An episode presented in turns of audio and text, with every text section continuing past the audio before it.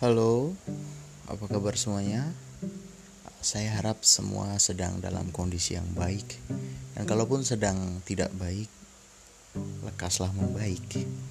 Oke, jadi saat ini kalian lagi dengerin suaranya Imar, dan kali ini tuh saya pengen bahas uh, mengenai pengalaman saya selama beberapa bulan ini di masa pandemi corona ini. Saya pengen berbagi mengenai pengalaman saya soal apa pun yang saya dapat selama masa-masa pandemi corona ini.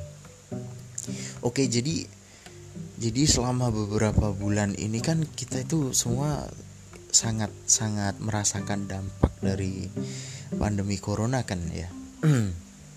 yang dari ekonomi, dari pendidikan, sosial, semua semuanya semuanya uh, terkena dampaknya begitu. Dan kalau saya sendiri karena saya sendiri masih mahasiswa ya yang hal yang sangat mempengaruhi di uh, diri saya itu memang adalah sistem perkuliahan. Proses perkuliahan semuanya dilakukan secara online daring begitu. Dan ya harus saya akui ke, karena negara kita belum belum terbiasa untuk sistem daring akhirnya banyak kendala kan. Eh, banyak kelemahan di berbagai sisi soal kuliah online ini dan rasa-rasanya perkuliahan selama satu semester ini itu tidak ada ilmu yang signifikan yang saya dapatkan. Begitu. Uh, proses perkuliahan pun kan sangat-sangat minim dilakukan akhirnya karena persiapan-persiapan dari baik dari lembaga, dari dewan pengajar ataupun mahasiswanya sendiri begitu. Oke. Dan karena hal itu akhirnya kan apa-apa semua aktivitas kita ini dilakukan secara maya kan melalui dunia virtual internet begitu um, awalnya saya merasa semuanya baik-baik saja begitu. Sebelum-sebelumnya juga dari tahun-tahun sebelumnya juga um, saya merasa sangat terbantu dengan internet, merasa sangat uh, terhibur dengan internet, ya kan. Tapi sekitar dua bulan terakhir ini, entah kenapa saya merasa begitu jenuh dengan sosial media terutama ya dengan sosial media. Saya saya merasa begitu jenuh untuk untuk bermain sosial media terutama di Instagram ya. Karena uh, kalau saya sendiri memang hanya Instagram yang aktif digunakan begitu walaupun di Instagram sendiri saya tuh jarang yang namanya buka di pencarian ataupun lihat story dari kawan kawan di Instagram begitu sangat jarang saya. Saya hanya menggunakan Instagram untuk membaca di akun-akun uh, satir, provok begitu. Bukan untuk apa-apa sebetulnya hanya untuk mencari referensi mengenai sejauh mana sih gitu perkembangan anak muda di negara kita ini kritis terhadap hal-hal sosial, terhadap eh, hal-hal uh, kemanusiaan begitu, pemerintah terutama. Nah, tapi lama kelamaan setelah bertahun-tahun mengikuti uh, Instagram yang seperti itu muncul kejenuhan begitu. Saya merasa uh, setiap orang di internet ini sekarang terlihat pintar ya begitu. Terlihat pintar. Uh, walaupun entah dengan disiplin ilmunya yang seperti apa, mereka bisa memposting hal-hal yang yang yang menurut saya itu itu sangat berdampak begitu berdampak untuk orang banyak karena akun-akun yang besar seperti itu kan followersnya tentu juga banyak ya. Atau lagi mungkin artis-artis begitu.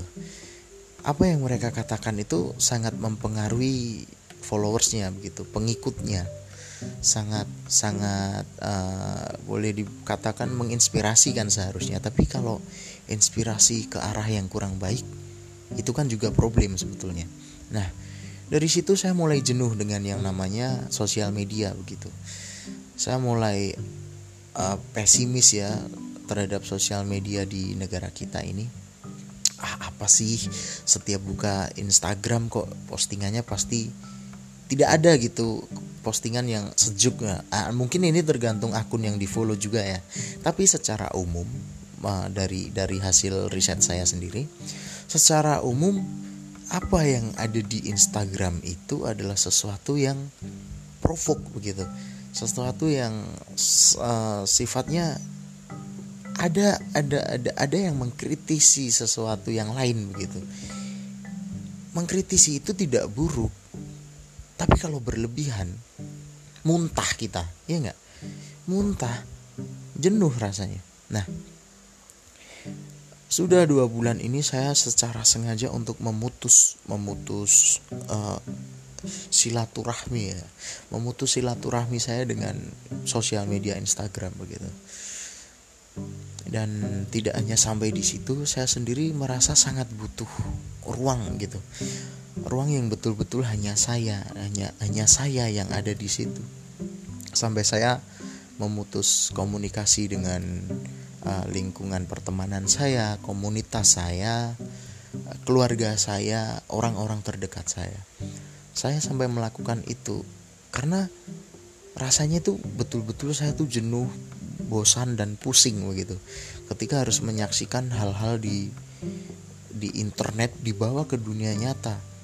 Orang-orang tidak bisa lagi uh, selektif terhadap apa yang ingin mereka konsumsi termasuk saya begitu. Barangkali teman-teman juga ngerasain ya ngalamin juga. Nah, saya sampai itu uh, mengucilkan diri lah kalau bahasa umum yang sering dipakai kan. Saya mengucilkan diri gitu. Sengaja tidak memberitahu banyak orang ke mana saya pergi? gitu. Padahal di masa pandemi corona ini kan dilarang keluar-keluar kan, tapi ya saya saya masih mengikuti protokol itu. Saya mengisolasi diri saya sendiri sih sampai podcast ini dibuat begitu. Jadi karena adanya rasa jenuh terhadap sosial media dan terutama adalah orang-orangnya, saya memutuskan untuk berhenti menggunakan sosial media secara intens saya cukup menggunakannya hanya untuk berbagi. Uh, entah itu hal yang menurut saya oh ini pantas nih untuk di share biar orang lain tahu gitu. Dan dampaknya itu bagi saya oh luar, luar biasa sih kalau menurut saya begini. Jadi di awal-awal saya mencoba memutus silaturahmi saya dengan sosial media itu itu berat itu berat apalagi buat teman-teman yang kebiasaan dipuji kan dipuji disanjung dielu-elukan di sosial media ketika kalian mencoba kehilangan itu secara sengaja pasti ada dong dari bagian hidup kalian yang rasanya kurang kan. Ya seperti itu gitu. Rasanya seminggu pertama itu kayak saya kayak nggak bergairah gitu hidup kayak kayak nggak ada yang kok kayak nggak ada yang menghibur saya gitu ya kayak nggak ada letupan-letupan gitu ya nggak ada surprise gitu. Tapi saya saya terusin saya terusin uh, silaturahmi yang saya putus itu saya teruskan sampai jalan di minggu kedua itu saya merasa lebih tenang begitu. Saya tidak memiliki distrak di pikiran saya saya tidak ke distrak oleh sesuatu di luar sana soal di mana kan sekarang sering ya di Instagram itu kita lihat itu semua yang terposting di situ adalah cewek-cewek seksi begitu. Saya nggak tahu dari mana asalnya saya tidak pernah saya tidak pernah membuka akun-akun yang seperti itu begitu. Itu saya rasa setiap orang yang saya lihat di Instagram bahkan teman-teman saya sendiri semuanya itu jadi sama gitu seragam pengen dipuji gitu. Semuanya pengen dipuji salah nggak? Nggak salah gitu. Selama yang kalian lakukan untuk mendapatkan pujian itu memang betul-betul berdampak positif bagi orang lain. Ada ada ada ada dampak bagusnya begitu. Tapi yang dilakukan itu sekarang sekedar seperti begini. Mohon maaf sebelumnya gitu. Kalau untuk yang cewek ketika berani posting foto dengan baju yang seksi pakaian yang seksi kita merasa superior. Tidak salah. Oh ini betul, menurut saya itu tidak salah. Hanya saja coba kamu teliti lagi gitu. Untuk apa kamu melakukan itu? Benarkah kamu melakukan itu untuk kesenanganmu sendiri ataukah memang ada tujuan lain supaya kamu dipuji atau hanya sekedar mendapatkan banyak like, banyak komen, bisa jadi terkenal viral ataupun dikenal di lingkungan lokal komunitas itu. Ini jadi penting gitu. Banyak soal buku filsafat yang saya baca berbicara soal ini gitu, mengenai sebetulnya kita itu ada untuk apa sih gitu sebetulnya saya melakukan sesuatu ini untuk siapa untuk apa biar apa begitu eh, saya selalu mencoba untuk mempraktikkan hal itu di kehidupan saya setiap hari ketika memposting sesuatu bahkan ya. Ketika saya memposting sesuatu saya selalu berpikir saya memposting ini biar apa? Begitu. Saya menyebarluaskan berita ini untuk apa? Kemudian saya memajang foto saya di Instagram itu biar apa? Kadang saya berpikir ke situ gitu dan itu pasti sih bukan kadang sih. Selalu saya memikirkan itu karena untuk apa untuk menjaga diri saya sendiri gitu. Menjaga dari apa? Menjaga dari inilah yang namanya kita kan pasti nggak ada yang tahu kapan kita akan terlena gitu. Gak ada yang tahu kapan kita akan terlena. Dan saya takut kalau sewaktu sewaktu-waktu saya akan terlena ketika saya terus mencoba mencari banyak like dari postingan, mencari banyak perhatian orang hanya untuk hal-hal yang sebetulnya tidak tidak begitu informatif bagi orang lain begitu. Dan sayangnya juga uh, banyak yang suka terhadap hal-hal yang sifatnya tidak tidak informatif. Contohnya saja ya kita seneng gitu lihat TikTok yang itu hanya joget-joget pakai pakaian seksi bahkan telanjang juga kalau wanita. Sekali lagi mohon maaf, tapi itu realitas yang kita alami saat ini gitu, yang saya alami juga. Saya melihatnya sebagai fenomena yang dance kita itu itu membawa kita ke arah yang kurang baik lah menurut saya dan makanya saya harus sampaikan itu gitu saya pengen sharing sih ini berbagi aja gitu namanya juga suaranya Imar kalau kalau cocok ya berarti kita hanya sefrekuensi mungkin barangkali suatu saat tidak sefrekuensi. Tapi kalau sejak awal tidak sefrekuensi ya tidak apa-apa. Barangkali suatu saat kita bisa satu frekuensi begitu.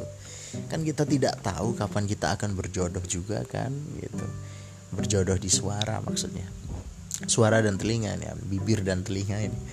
Dan nah itu balik lagi ke yang tadi. Um, kita mengkonsumsi hal-hal yang kurang baik mengkonsumsi hal-hal yang tidak tidak tidak buat kita jadi lebih produktif. Gitu. Tidak sesuai dengan keilmuan kita masing-masing. Fenomena TikTok itu buat saya ya awalnya menyenangkan. Oh seru ya gitu. Oh menghibur ya.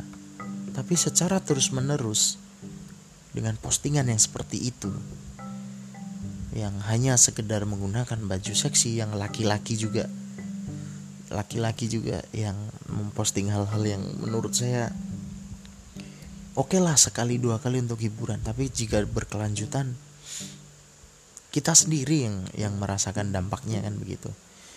Kita itu jadi pribadi yang konsumtif begitu. Saya jadi pribadi yang konsumtif mengkonsumsi hal-hal yang sebetulnya no sense gitu. Nggak nggak nggak nggak begitu.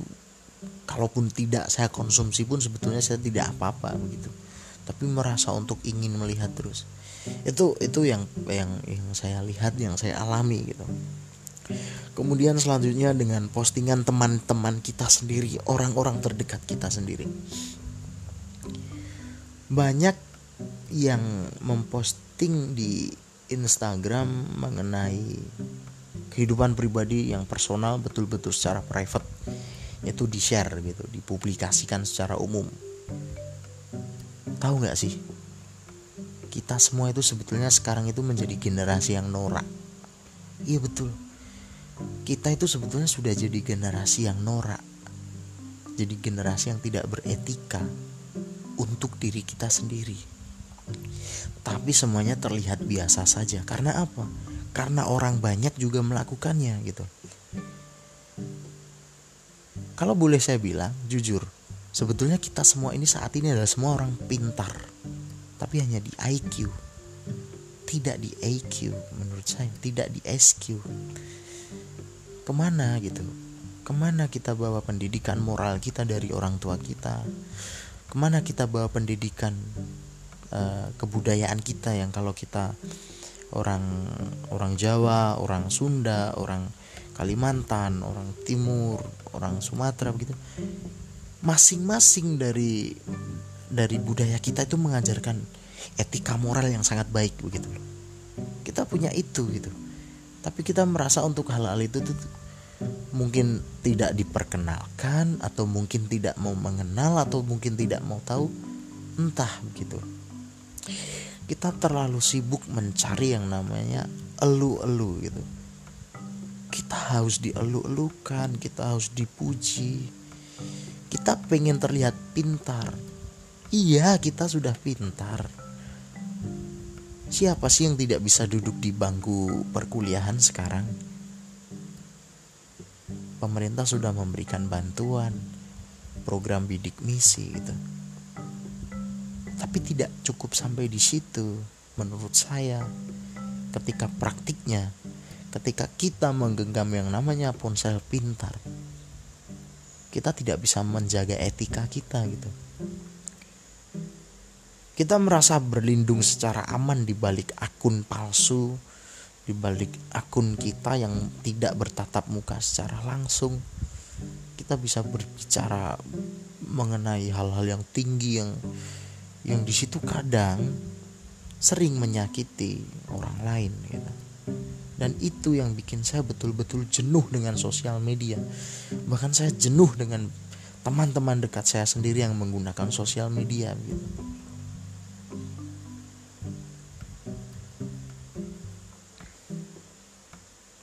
Semua orang ingin kesuksesannya itu dilihat orang lain. Tentu ya kan. Saya sendiri pun begitu gitu. Siapa yang tidak suka dipuji?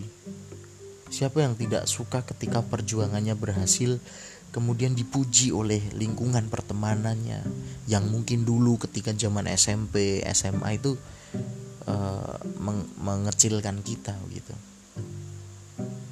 Tapi menurut saya betapa lebih mulianya kalau kamu menghargai diri kamu sendiri, diri kita sendiri setelah berhasil dengan tidak menjadi goblok dengan cara pamer gitu loh.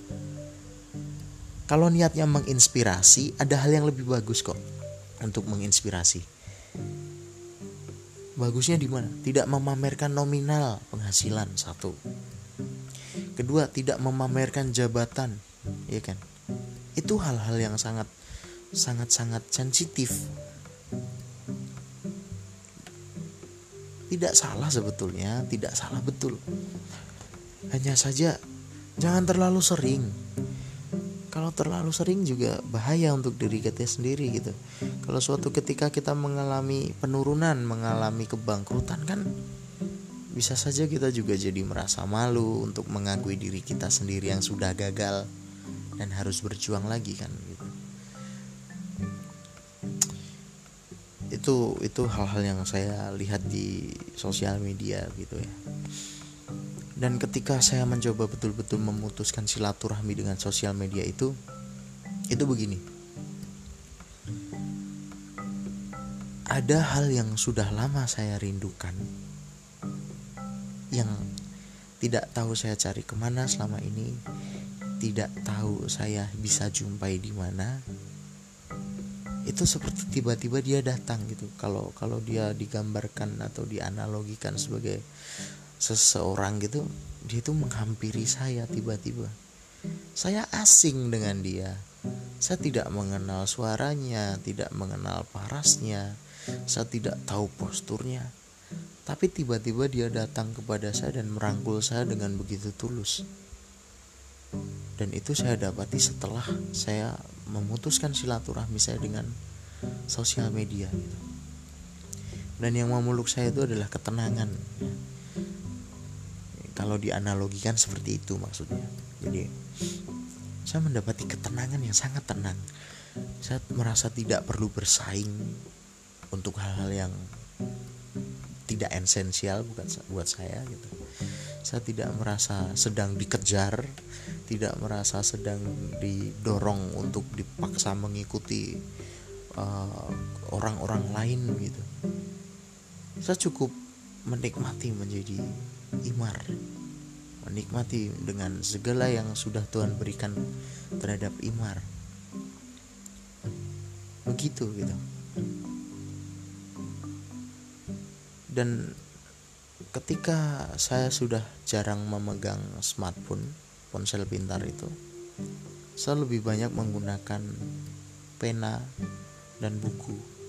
Ya meskipun dari dari dulu sih ya dari dari zaman saya SMA itu saya sudah menuliskan semua uh, kehidupan saya sendiri pengalaman saya seperti sebuah jurnal. Kalau mirip mirip diary tapi tidak sem tidak semerta-merta hanya menuliskan hal-hal yang luka dan duka, suka dan cinta, tapi saya menuliskan mengenai keadaan yang saya alami seperti seperti oh saya hidup ketika di zaman 2020 di tahun 2020 saya mengalami masa pandemi corona. Jadi saya mendeskripsikan keadaan di waktu ini gitu. Saya menuliskan itu semua sejak sejak SMA saya menulis sebuah jurnal begitu ketika saya kecanduan internet kecanduan sosial media kebiasaan saya itu sempat putus begitu dan setelah saya memutuskan silaturahmi dengan sosial media saya kembali produktif untuk menulis. Banyak banyak puisi saya yang akhirnya terbit. Banyak tulisan naskah saya yang akhirnya terbit begitu. Kalau di masa pandemi corona penghasilan saya saya dapatkan dari pementasan ya kan? Secara offline gitu. Di atas panggung di sebuah pertunjukan kan tidak boleh tuh ada pertunjukan. Berhenti kan pertunjukan. Berhenti pertunjukan saya tidak dapat pemasukan tapi ketika saya mulai aktif menulis lagi ada setidaknya ada ada ada pemasukan untuk menyambung rokok saya lah gitu. Itu soal uh, pengalaman saya di internet gitu dan saya rasa teman-teman juga mengalaminya gitu. Ya enggak dan begini kalau teman-teman mengalaminya coba awali dengan mau menulis atau membaca. Lakukan hal-hal yang lebih membuat kita aktif, kreativitas kita terasah.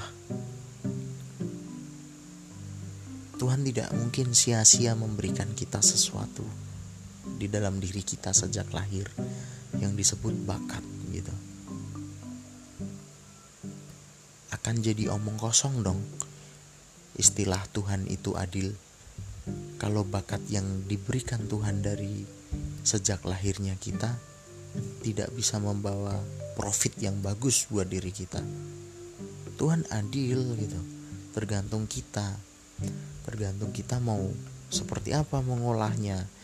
Bisa seperti apa membuat bakat kita untuk menjadikan profit bagi diri kita gitu.